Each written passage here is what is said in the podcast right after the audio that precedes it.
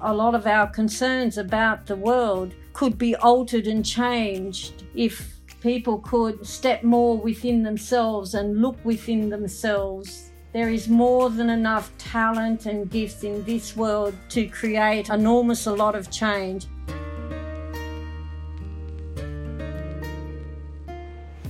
Jag heter Josefin Turesson Kämpe och i den här podden får du följa med mig när jag letar rätt på visdomen som gömmer sig bland oss. Mitt mål är att gå till botten med de där djupare frågorna som vi alla innerst inne bär på. Vad är meningen med livet? Vad är roten till våra samhällsproblem? Hur aktiverar vi vår fulla potential? Och hur blir vi lyckliga? Det här är Visdomsjakten och jag hoppas att den här podden ska ge dig inspiration till att leva ett medvetet liv, växa som person och hitta din grej. Vi gör den här resan tillsammans för en visare värld.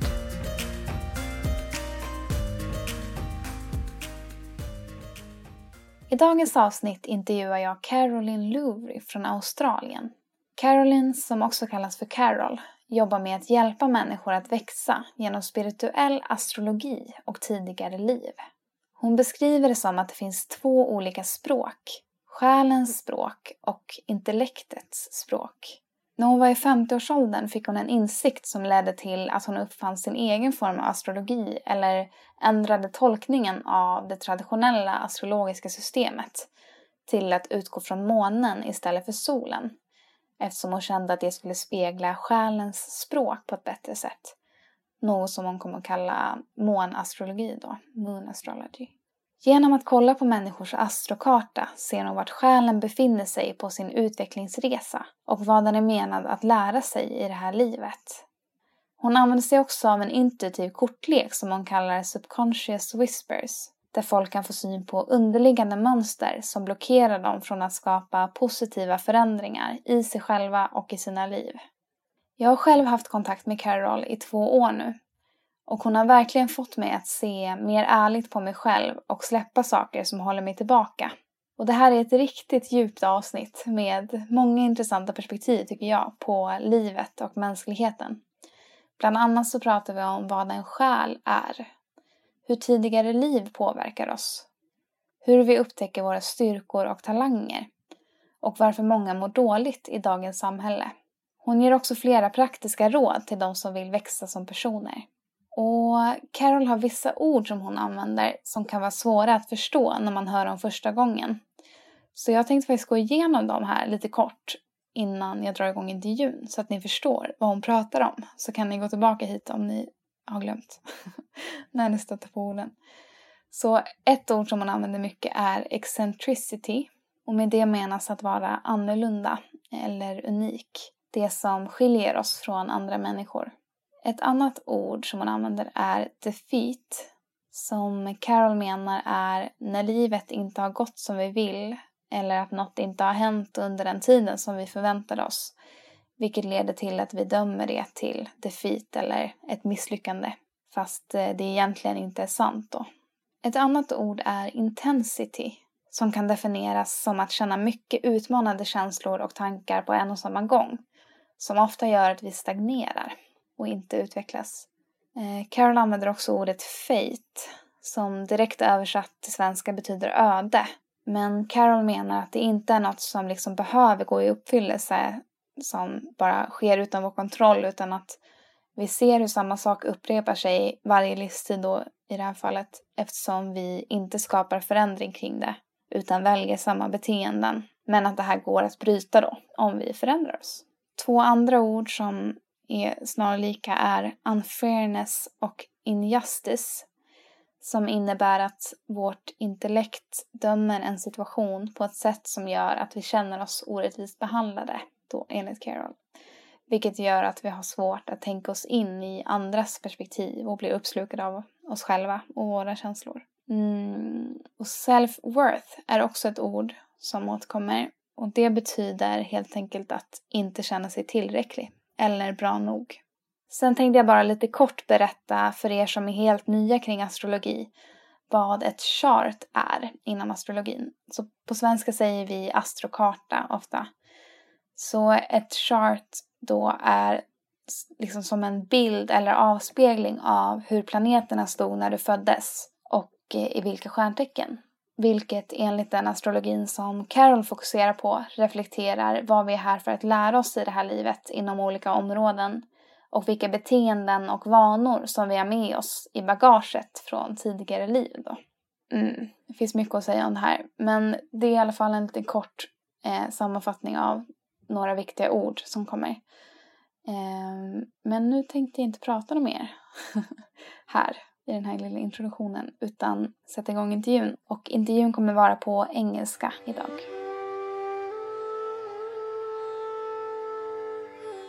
First, I just want to say thank you for participating in uh, my podcast. It's a uh, pleasure. Thank you for asking me. I have so many questions I want to ask you about life and uh, when we have talked in our sessions, you have said some things like how it started out for you and some issues you also been struggling with. And then I was so curious. I wanted to have a longer conversation about these kind of topics also. What's your opinion of today's society and stuff like that? Uh, so, so on your website, it stands that you're an intuitive spiritual astrologer. Yes.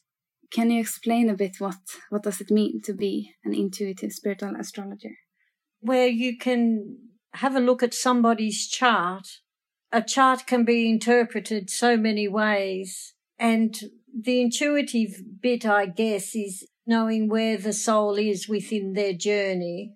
And so I've always observed when I'm looking at a chart that in some form or some way I'll be drawn to certain aspects and from those aspects, I've found it to be quite accurate. So even though okay. the chart is mathematically shows information, it still requires a certain amount of intuitiveness. And the intuitiveness, I believe, is knowing where the soul is within that um, space and time. Okay, so how did you end up an astrologer of all things? When I was about 17, I, I was um, dating this really nice fellow, and we'd been dating for, um, I don't know, three months or so. And, and he said to me that he would like me to meet his, his brother's wife. And so this woman was interested within astrology herself and started to talk to me about astrology and, and what it did. And, and this is, like in the middle 70s. So astrology wasn't as pronounced then as what it is now. And from the moment I heard the words around astrology and what it worked, there was, it was like finding my right arm. It was like life made sense. And so from, from then, I became a bit of an observer. I read what I could find within astrology. I became an observer and a watcher of people with the bit of information that I had. And I did this for about uh, about 10 years. Hmm. Okay. And what did you mean when you said like you became an observer? Yeah, because the astrology chart will give you certain information and so I would have a, an awareness and just watch people's movements and their expressions, what they said, just to be able to see in the beginning if there was any genuine truth within what the astrology was saying. And I found it to be quite yeah. accurate and quite entertaining at that stage as well.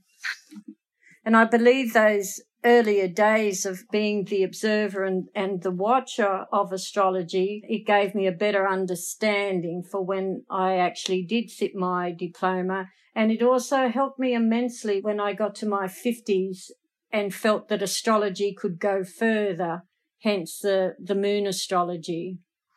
Yeah, can you explain a bit about that? Because you said that, that you like changed the, the whole system. yes, and I, I guess it's just changed the interpretation as mainstream astrology where we use the sun. And even when I was quite young, I think it was before I'd even reached 20 and, and I can remember looking up into the sky and seeing both the sun and the moon sharing the sky. And I can remember in that moment asking the question, why has the sun have more value than the moon? And I believe that the sun had preferences over the moon because our evolutionary journey wasn't at the vibration as where we could really hear or understand astrology from soul's language.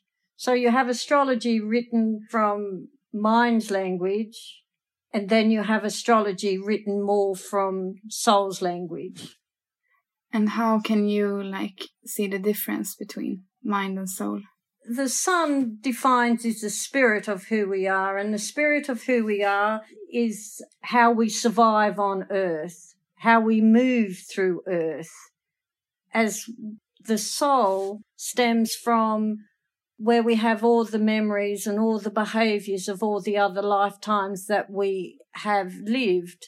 And it is not uncommon for us to bring our patterns and our behaviors into this lifetime. So a lot of our responses on earth are actually reactions of what we've done in other lifetimes. So I was just thinking about people have different ideas and beliefs. There's a lot of people, for example, that thinks we live just this life. And I was wondering yeah. about this idea of um, living multiple lifetimes. How did you become convinced it was like that? within the astrology and in my 30s it led me to to other places and and those other places were with past life regression or work and events like that because it melts in and within the astrology but mainly why i believe that we are a soul and we move from one lifetime to the next is just through my own personal experiences. Like from a very early age it it was um, certain deja vu things that would happen or I would see events or situations and sometimes I wouldn't know whether it happened this lifetime or was going to happen this lifetime or, or, you know, whether it was a dream. But the more that it happened and with observing it, it, it was je- definitely memories or behaviors or patterns from other lifetimes. So it, it really comes from my personal experience. I have no doubt that we that we are souls and we move from lifetime to lifetime. And especially being an astrologer and working with people and especially working with soul astrology, you, you see patterns and behaviors within people that can only genuinely reflect because that's what they choose to do each lifetime. When when you spend 40 years living within this world, then you do get to see a genuine truth within it. It's like mm-hmm. for me when I I was growing up, coming from an eccentric family that see the world a little bit different. And even when you look at my chart, and this was happening even before I knew about about the astrology chart. And when you look at my woundings and, and you look at my habits, you can see how things really, um, I create a certain behavior and it's not something that I generally choose. It's just something that I've done every lifetime. It's like coming from an eccentric, you know, my father was quite eccentric within his outlook and you know, when I was younger, I would run from the eccentricity, you know, not wanting to be different, yet ending up being different. And, and even, um, within my wounding and the wounding within your chart shows you where you haven't healed something from other lifetimes. And of course, mine is the eccentricity, you know, the originality, feeling different from everybody else, feeling the outsider, because that's mm. what I've experienced for most other lifetimes, except this lifetime's I, I'm creating change around it instead of bringing the same dialogue that, you know, being different and unusual is something that is challenging and hard to live with because that's just mm. a perception that I have carted around. So I have two questions on this. Like, you said that you felt like an outsider. How did you grow beyond it, or what was the shift in that? Yeah, because what I did do was start to to run to get away from it. So I would travel and and just get away from my eccentricness, so to you know, because my interpretation of the world has always been a little bit different from everybody else's.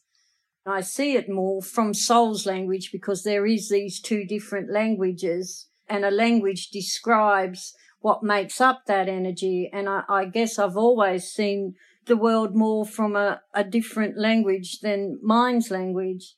And so I, I would just keep traveling. And there comes a time where, of course, you enjoy the travel, but you also want to stop for a while. And I noticed while I was traveling that I didn't have to hide my eccentricity as much. And I really started to enjoy it. Like I could really see the benefits of it and, and what it did for me. To see the unusual and the different, it feeds me to a certain extent. And so then I, I learned to settle down and just to cover up the eccentricity, but still, still living it, so to speak. And, and of course, as I've grown within myself, as I've looked at the self worth, as, as I've looked at my thoughts, that has allowed me to create a different persona, how I view my eccentricity. Mm. So it's like running away from it is like pretending it isn't there. Yes. And then, so then the as you become older, you learn you can't run from it, that it is part of who you are. And the only real issue was me making judgments on it. Oh. Once you have acceptance and you can see the beauty of it and what it can do and what it contribute, that took a lot of years because even when I married, I would play with my eccentricities, still be the observer and the watcher, but um, I would make it about other people's lives. I would make it about, you know, my two children and my husband. It wasn't until that I changed my perspective around my actual gifts that I was allowed to step into it. Hmm. You made it about like your family instead, like it was their fault, or no, or... not their fault. They, you know, like I, I really enjoyed helping them within their dream I really in, enjoyed being part of their world and lifting them up because that gave me a place to hide where I could experience my eccentricity, but the rest of the world didn't have to really know about it. But in saying that, the eccentricity was still there. When the, my kids were growing up, it was the energy was taken up in creating an organic garden, growing 400 different types of herbs, you know, there's always been that bit of eccentricity there. Hmm. But I guess some eccentricities you can get away with it, as as the moon astrology can be quite confronting for a lot of people. And, and I, I must say here, I believe everybody has a certain eccentricity. Yeah, and that's something I want to get into, like because when we have talked, also you you talk about what makes us unique and or individual gifts and talents.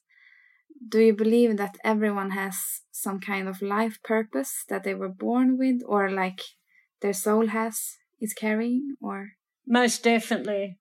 You know, when, when I see the world and you can see the challenges of the world in this moment, for me, a lot of our concerns about the world could be altered and changed if people could step more within themselves and look within themselves.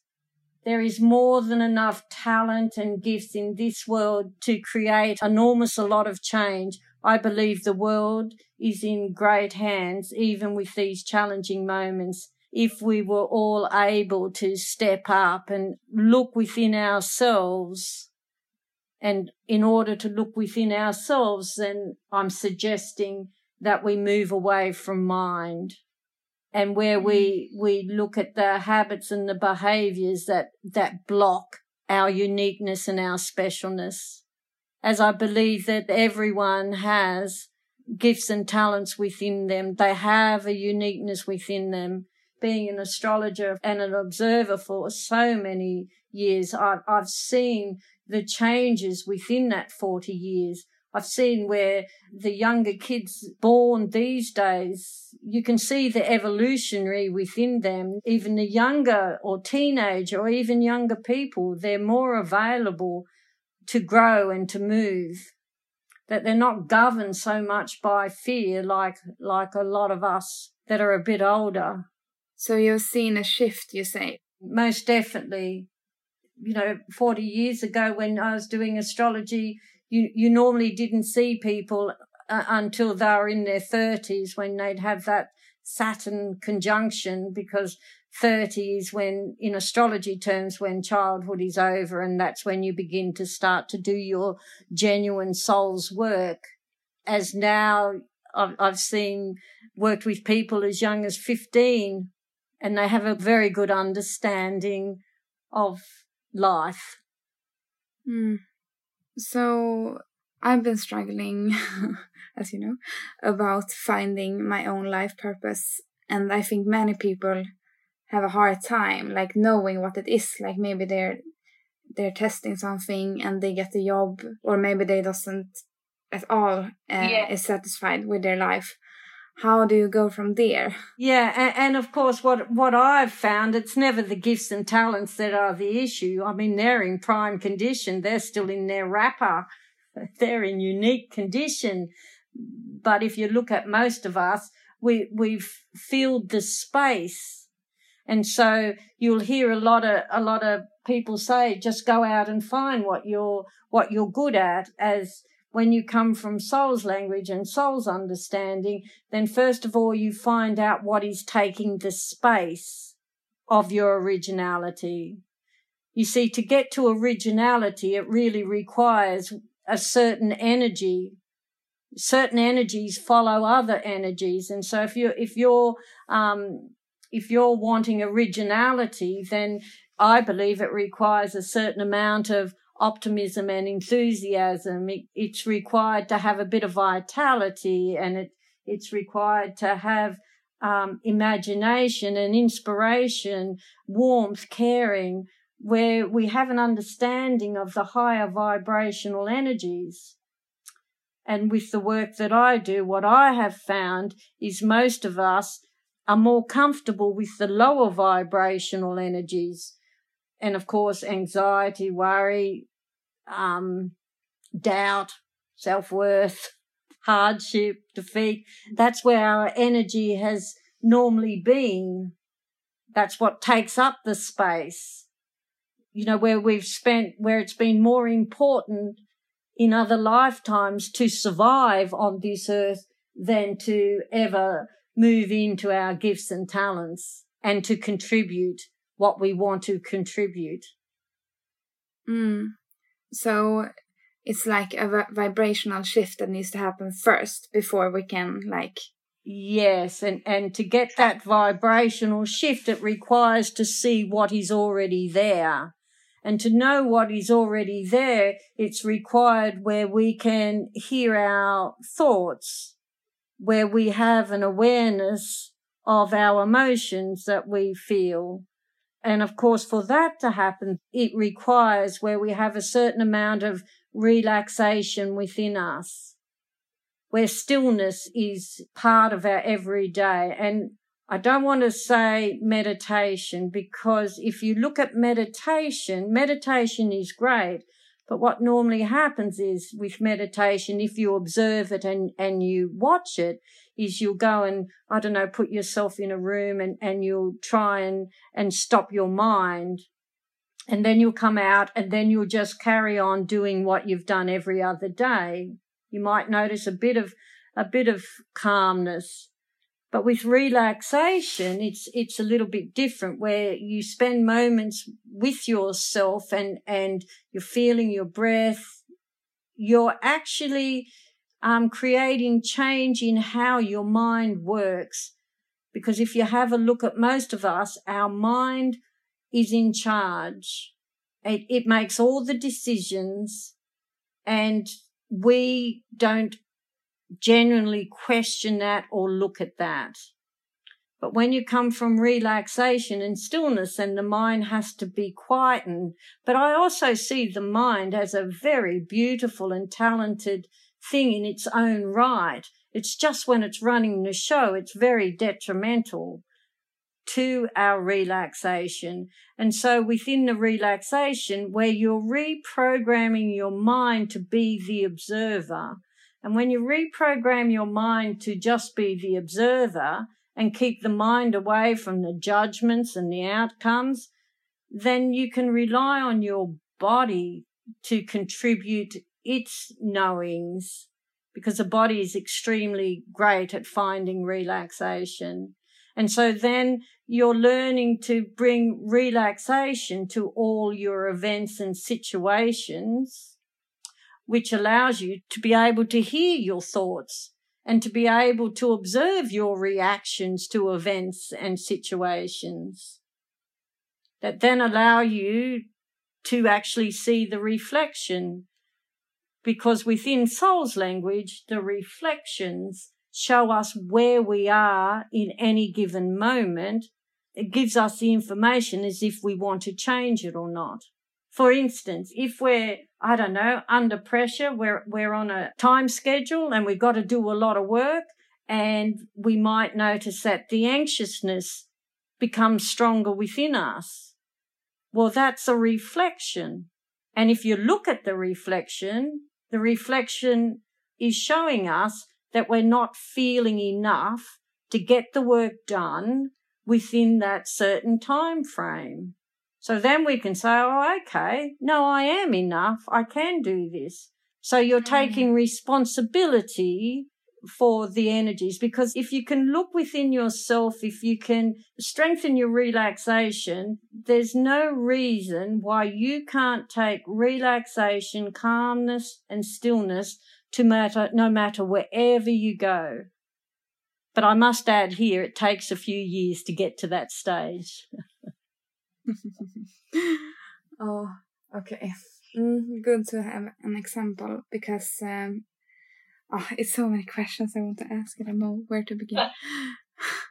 but I was wondering, like the nature of human beings. You touched it many times, like the soul and that it reflects some part of us that isn't healed. Do you have any idea about like the deeper meaning of life and what's the nature of humans?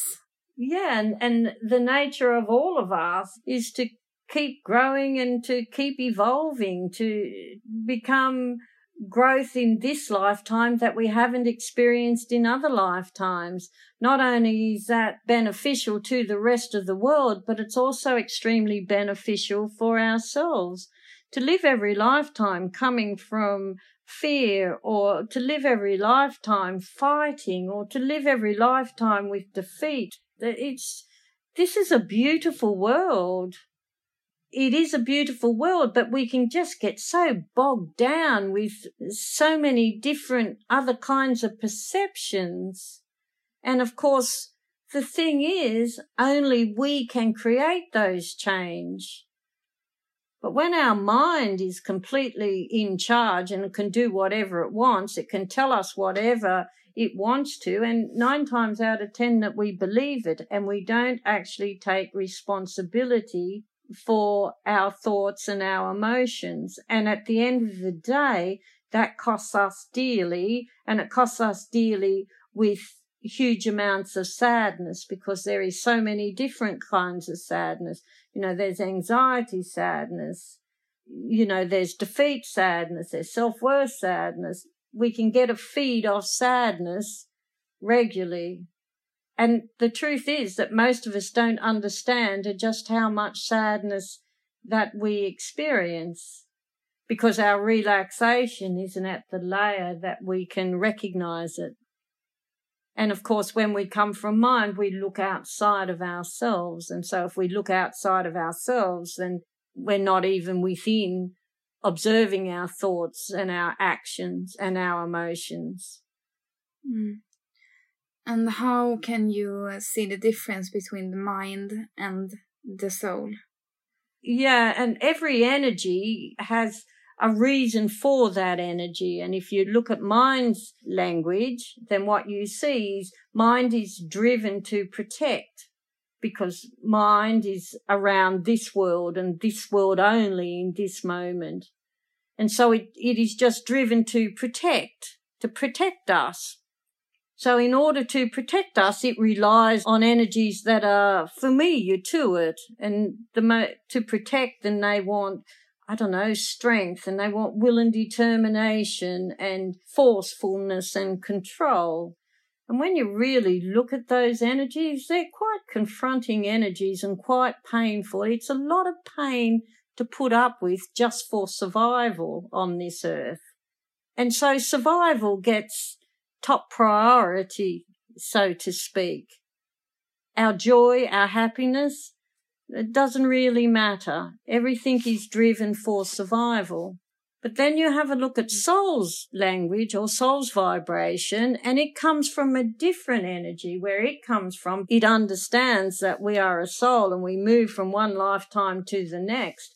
If you're living, I don't know, two or three, four, five, six hundred lifetimes, and every lifetime is painful, then it becomes a little bit more awareness that, hey, enough's enough because it doesn't have to be like that.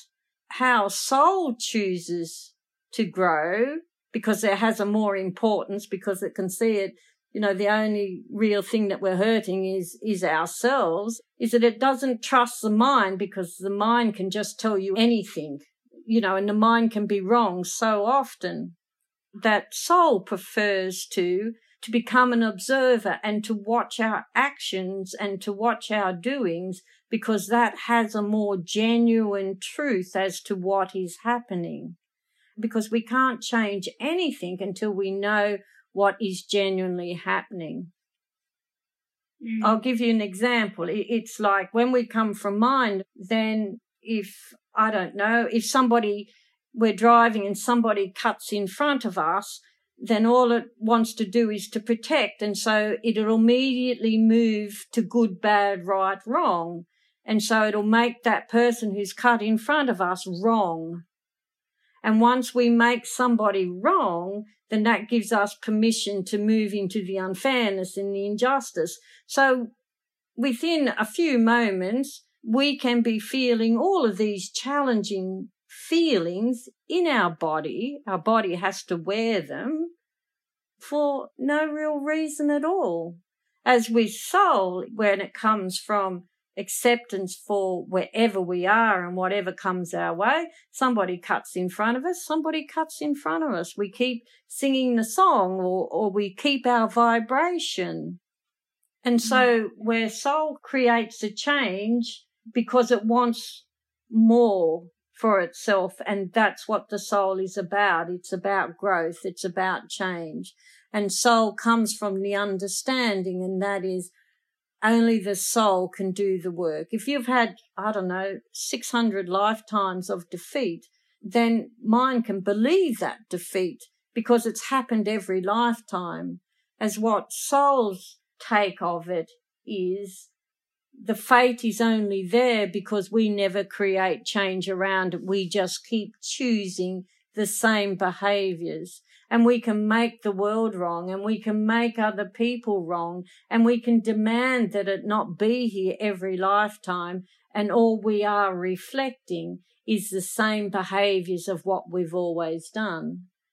And so there's no space and there's no room for our originality. And not only that, even the people that are, are trying to get people to move into their originality, they're just suggesting just go out and create it. They're not understanding that it's a soul's journey. And first of all, we look to see what energy we are coming from and we look to see what energies have taken the place of our originality. Mm. And, and it's energies that's like carrying a memory from other lifetimes Yes. No, no different for me. I, I do the same thing every lifetime. I'm different and unusual. You can see what I've done in other lifetimes by what I create this lifetime. And so what I've always done is, is I move into my originality and I create it and see it. But in other lifetimes, I've never taken it out to the world because I have all this stories of other lifetimes of what happens in other lifetimes when you take out into the world eccentricness that people haven't seen. And from memory, you know, people make you wrong. And so for me, I can see my behaviors because in this lifetime, I expand my originality, but I, I keep it within the four acres that I live on. but I'm getting better at it. I can recognize my behaviors. I can see where it's time for me to grow and I make little steps. Yeah. Oh, it's really interesting. And we've touched on this as well, but can you like zoom out a bit on today's society and how most people live their life today? What is the problem with that and what's the biggest issue with the suffering today and today's society? Yeah, that I believe what you know, and like I was saying, I'm extremely optimistic. I believe that we have the, you know, your generation, the younger generation, that evolutionary is in beautiful hands. And I believe that it's going to be easier for the younger generation to step into their gifts and talents. And I believe that fear and what has stopped us in other lifetimes is going to have a lot more flow for their originalities. But the biggest thing is we step further and further away from present moment. If you have a look at most people, if they have any spare moment, it's got to be on a phone. And if they're not talking or texting, then they're looking something up on the phone or we're watching a TV or we're playing a video game we find it challenging not to be without some kind of entertainment or something impressing our mind.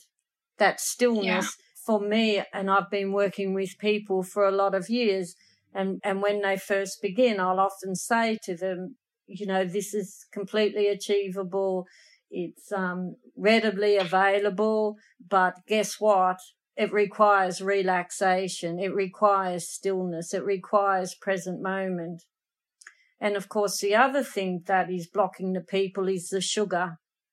Because we okay. eat, because we eat so much sugar and, and people can recognize within the physically that sugar is not good for their bodies, but we're not seeing how sugar affects our emotions if you could just click your fingers and, and people could have present moment and stillness and they were able to observe themselves, they would see when they eat sugar that it creates a lot more thoughts. And those thoughts are normally challenging thoughts. And challenging thoughts create more challenging thoughts. So sugar, because people can't recognize this or see this because their mind is too active to be able to see it. And yet I, I see it all the time. The intensity that so many people feel and, and a lot of the intensity arrives purely from the sugar. And they're the two main things that block us. And life is that simple. We think yeah. it's so, you know, far greater than that, but it's not. I tried to keep away from sugar. I couldn't even tell you the last time I had a soft drink. It was just, you know, gee, a long, long, long time ago. And, and even sugar, although there's sugar in just about everything that we eat, I tried to eat a natural diet. And for that reason, I have seen, you know, learning relaxation and being the observer. And once you begin to look, you can actually see how you can have a stillness and a calmness within you. And then you can eat a sugar and then all of a sudden you can't stop your thoughts. It's really fascinating to watch and to see. And this is most people because most people eat sugar. And the other issue that you have with sugar is it feeds fungus, it feeds candida, and, and that candida, once we have a certain amount of sugar, begins to block the body if our body is blocked, then it reflects that us, that we're blocked. And if we're blocked, it's very challenging to create movements, change. So anybody who want to, to move within and to, to learn about themselves, I would strongly recommend that they give up the sugar and start to turn everything within. Because if you really watch ourselves, when we come from mind and we come from protection, we're driven to make wrong and right. We get a bit caught up on it. As soul, to grow, to evolve, is to have acceptance for wherever we are, whatever we're doing. And I'd just like to add around the sugar as well, like working with quite a few people around sugar. I have noticed that for both relaxation and sugar, um, it's a bit of a merry-go-round. And so if you're giving up sugar, it's been my observation that we give it up for a certain amount of time because the candida is within us and once the candida is at a certain vibration, it'll produce a chemical that will get us to crave the sugar, where it yells at us, give me sugar. And most of us will give in to it. And there's nothing, it's, it's just part of the journey with sugar. And that is you'll give it up, you'll go back to it, but just because you give it up and go back doesn't mean that you're not moving forward. It just means that you're revisiting something. And as long as you have an awareness of what the sugar does to your emotions, you will get to the point where, hey, I might enjoy the taste of sugar, but I don't enjoy the intensity that it brings. And the same with relaxation. For years, trying to get people to do relaxation and they will give it space, then they will move away. It's just how we do it as a soul, because that's the thing within soul's language. It's not like when, you know, with mind, it just brings will and determination. You know, if you wanted to learn your times table, you would just keep at it and will and determination and forceful and make yourself do it.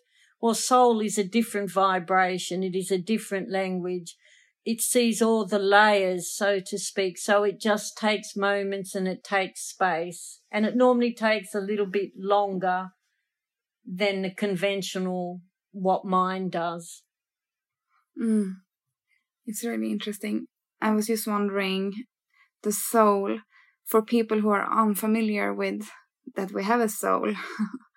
Can you define a soul or is it impossible?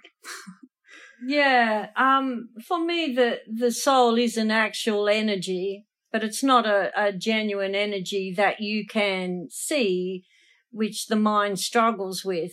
It's more that you can feel and it's more that you can sense. And I guess it takes, um, a little while to be able to see the difference between the two different energies.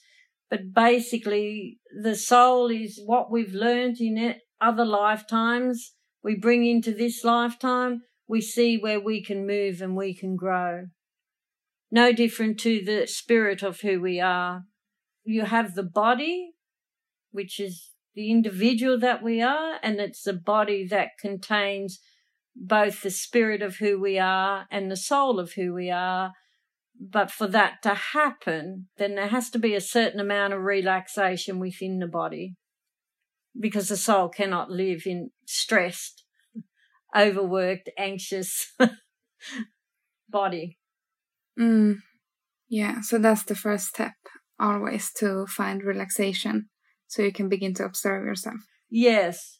Observation is how we actually heal. And and soul's language has such a simplicity to it and such a, an easy way to learn. But because we come from mind and we want to, you know, it's all about protecting ourselves, the mind can tend to complicate things. And it's like, oh, okay, I'm going to learn about spiritualism. So I don't know, we've got to read all these books and, and so forth and accumulate all this information. But in actual fact, it's not so much accumulating information. It's, it's about understanding soul's language comes from where we live from a higher vibration. And so a higher vibration is where vitality, enthusiasm, you know, empathy, um, playfulness, abundance, trust. And of course, when we come from mind, those energy are not as respected. Like we like to see them in books, but not when it comes to survival. We underestimate what those higher vibrations can do. With the work that I do with working with people and to create change, when you spend a certain amount of years getting to understand the higher vibrational words, because all words have an energy, they're the game changers. If you've had many lifetimes of defeat and you're looking within defeat, you can bring a will and determination and because that's what you've done every other lifetime, but it's never been able to get you change. If you can come from compassion for yourself, if you can come to kindness and gentleness, if you're able to come from relaxation and slow everything down, then you will move, you will create certain changes and those changes begin to build. And you can create change around, around defeat, even if you haven't. But it's been my experience that the change is required where we come from a higher vibration, where we live from a higher vibration, not so much where mind, you know, it's like mind will say, yeah, yeah, I know what empathy is, but most people I've found know they they might know the meaning of empathy, but all the higher vibrations have a feeling, and to understand these energies, it requires where we can feel them within us. Yeah. And people aren't used to coming from a higher vibration when we come from mind, we trust in the powerful, we trust in the controlling, we trust in the superior, even though they are painful. We don't see the magnificence of the higher vibrations. But we're getting there. We're getting there. So much interesting information. um, so, if you would describe a more conscious society, how would you describe it? Yeah, where each individual person takes responsibility with the words that they speak, with the emotions that they feel, where they have a better understanding of where they're genuinely coming from. Because if you're here on earth, then you have an astrological chart, and within that chart, you're here to create change from other lifetimes even souls who understand the higher vibrational energies, there's always another level, there's always another layer. Yeah. Okay, so take more responsibility. Yes, because at the at uh, the end of the day there's some beautiful healers, there's some magnificent inventors, people who can support there is enough talent on this world to create the changes where changes are required on this earth. But mm-hmm. it's, it's not enough to expect the government to do it. All of us are here to grow and to evolve. And if we're able to grow and to evolve, we're able to contribute our gifts and our talents. Mm. That's really nice. Yeah, it is a beautiful world, as we know.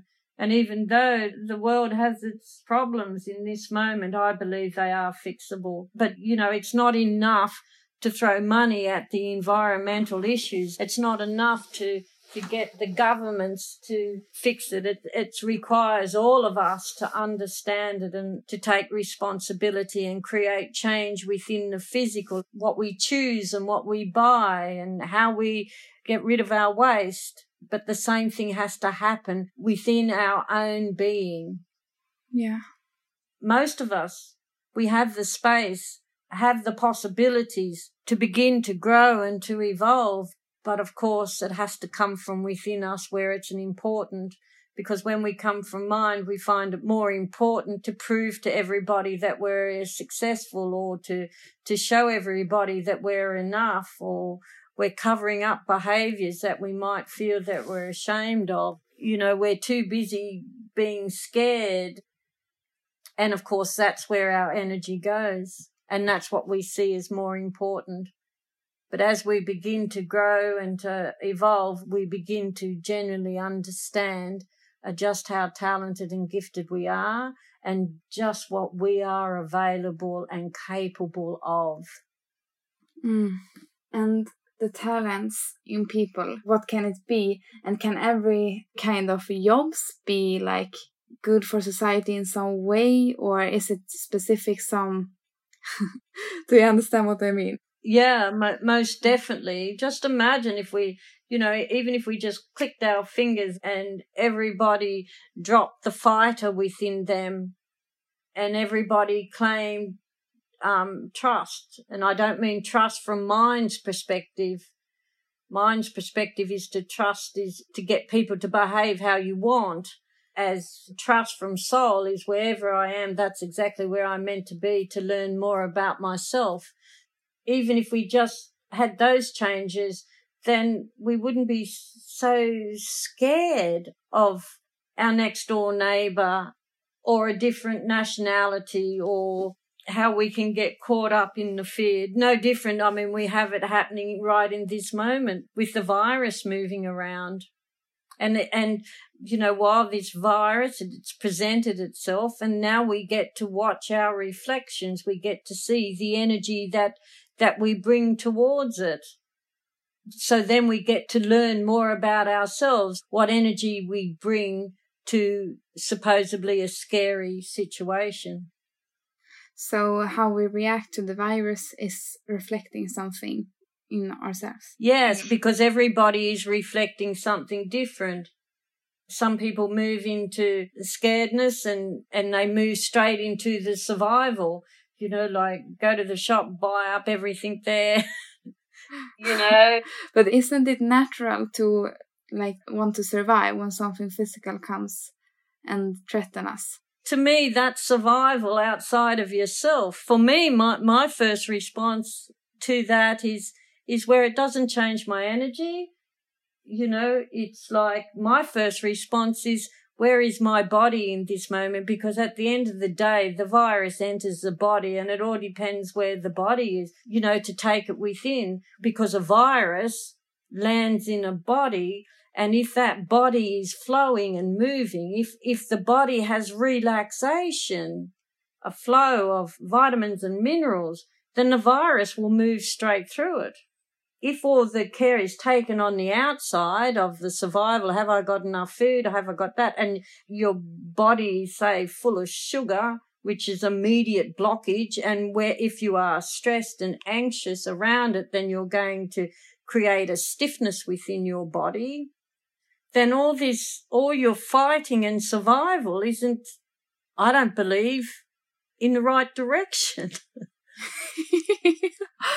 but, uh, so if one person is like really really scared about the virus and like taking safety yeah looking outside of themselves be you know i spy checking out all their neighbors or oh, you look so you know you look sick get away or what's uh-huh. happened in china you know like oh if you're you know there's yeah reflection is that you're still operating from scaredness you're still moving into chaos an event like that they're the energies that you really don't want because it just doesn't do your body any good. What you're actually doing is weakening your body. A virus comes in and it, it can hang out anywhere.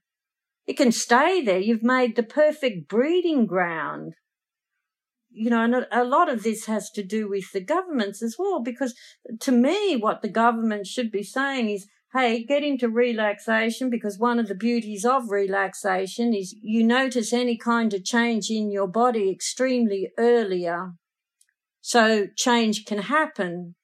You can begin the process so much more easily than if you're stressed and anxious and scared, then you know, it's ages before you even notice that your body is not as good as what it could be.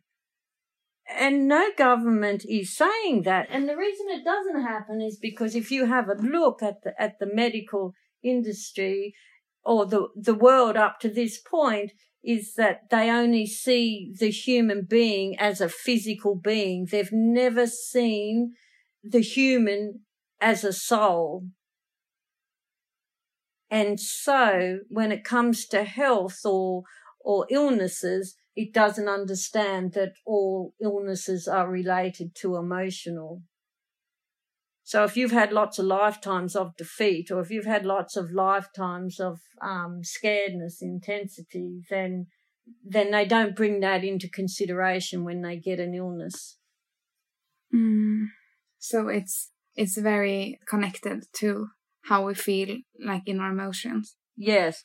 You know, if you want to uh, avoid illness, then stay within the vitality, not vitality that is pretend, but vitality that you feel when you wake up in the morning, you know, and good morning, you know, where you, where you jump out of bed and, you know, this is a beautiful world. And I, yeah, what am I going to do today?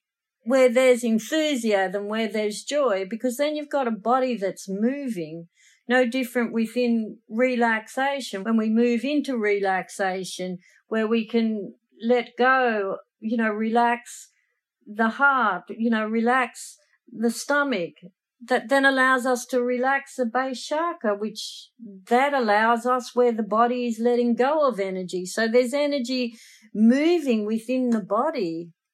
Far better investment within energy when you hit these moments, I believe. But in saying that, it takes a little while to get into it. It's very easy for me to do or to say because I've been doing it for quite a few years. Yeah. So, if you would sum up some advice for people, what's good to keep in mind when you're on this journey towards personal growth and it, wisdom?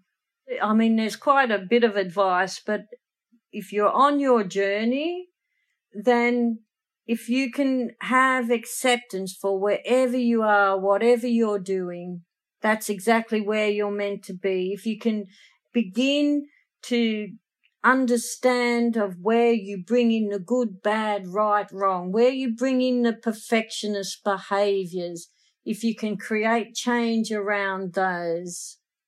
And like I was yeah. saying, if you can find moments for relaxation and if relaxation is too foreign or then definitely some kind of meditation.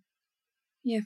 So many different avenues where change can happen. And I've, I've always said we begin first by changing in the physical. It's like if you're feeling that you're out of balance, then create the change within the physical because there's a reflection there. So if you're feeling out of balance, as if you feel that you seem to be, I don't know, feeling more anxiousness, just walk a figure eight every day and just say the words, I'm finding more balance within my life and smile as you're saying it and feel the brightness within your eyes. Begin to see the beauty of your body. Begin to have that connection that your body has been part of you for this entire journey in this lifetime. It understands it has a lot to offer and it has a lot to contribute. And if we can allow our mind to let go of the reins of the control, you can really begin to see what your body can contribute. And definitely your diet. Find a good homeopath. Have your minerals checked out. For us, we here in Australia, it's a very old island. And so most of us are short on magnesium. And if, we're short on magnesium, then it affects our emotions. And even if you want change, even if you want to create change within, I don't know, the intensity or the anger or whatever it is, it's literally impossible if you're mineral deficient. Mm. I was thinking about this. You said like we can start with the physical, what we eat, the exercise maybe, and stuff like that.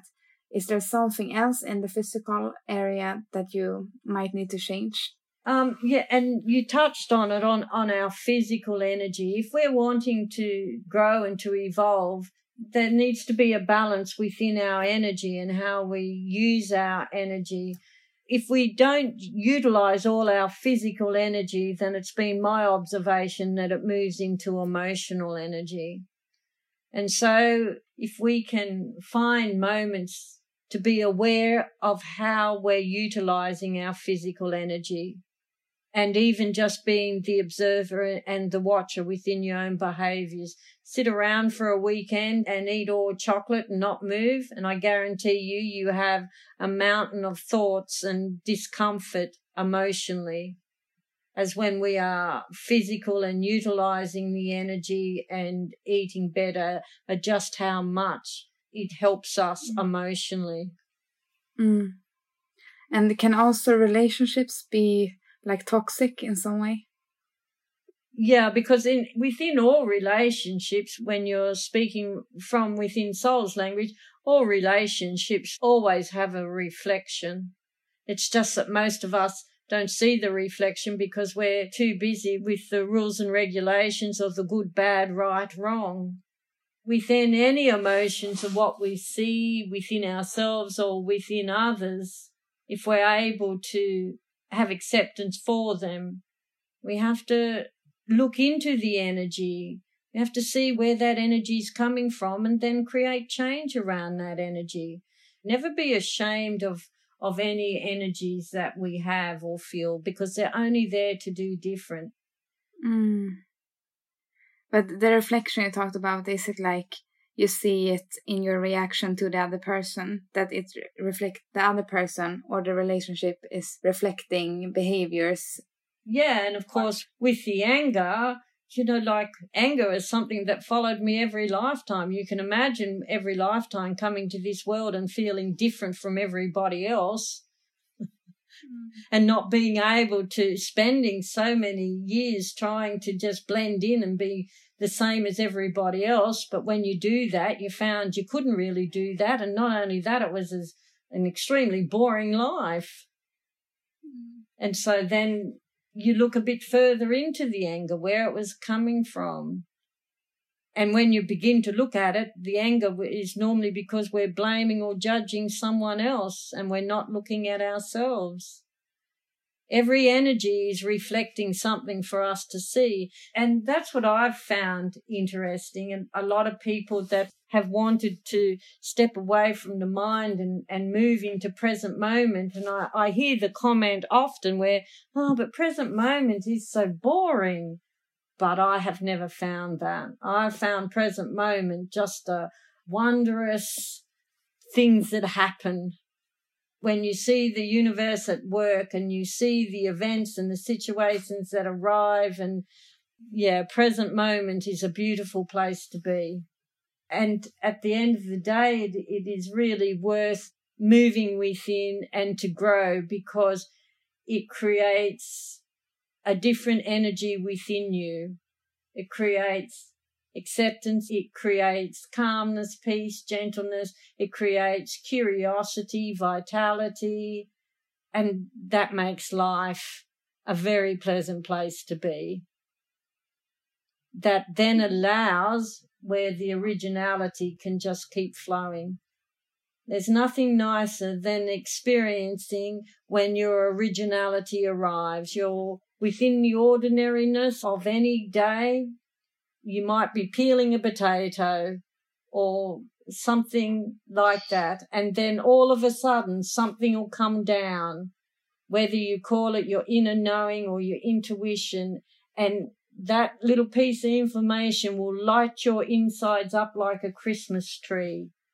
Trust me, it is worth every ounce that you give to releasing the energies that are taking up the space of your originality because there is nothing nicer than being within your originality. And what I've personally noticed is when you're within your originality, it really doesn't matter how poor you are, or um, even if you have problems, so called problems or events that are challenging, they really don't touch you because you're getting to experience the wonders of originality and seeing the process it's a beautiful thing.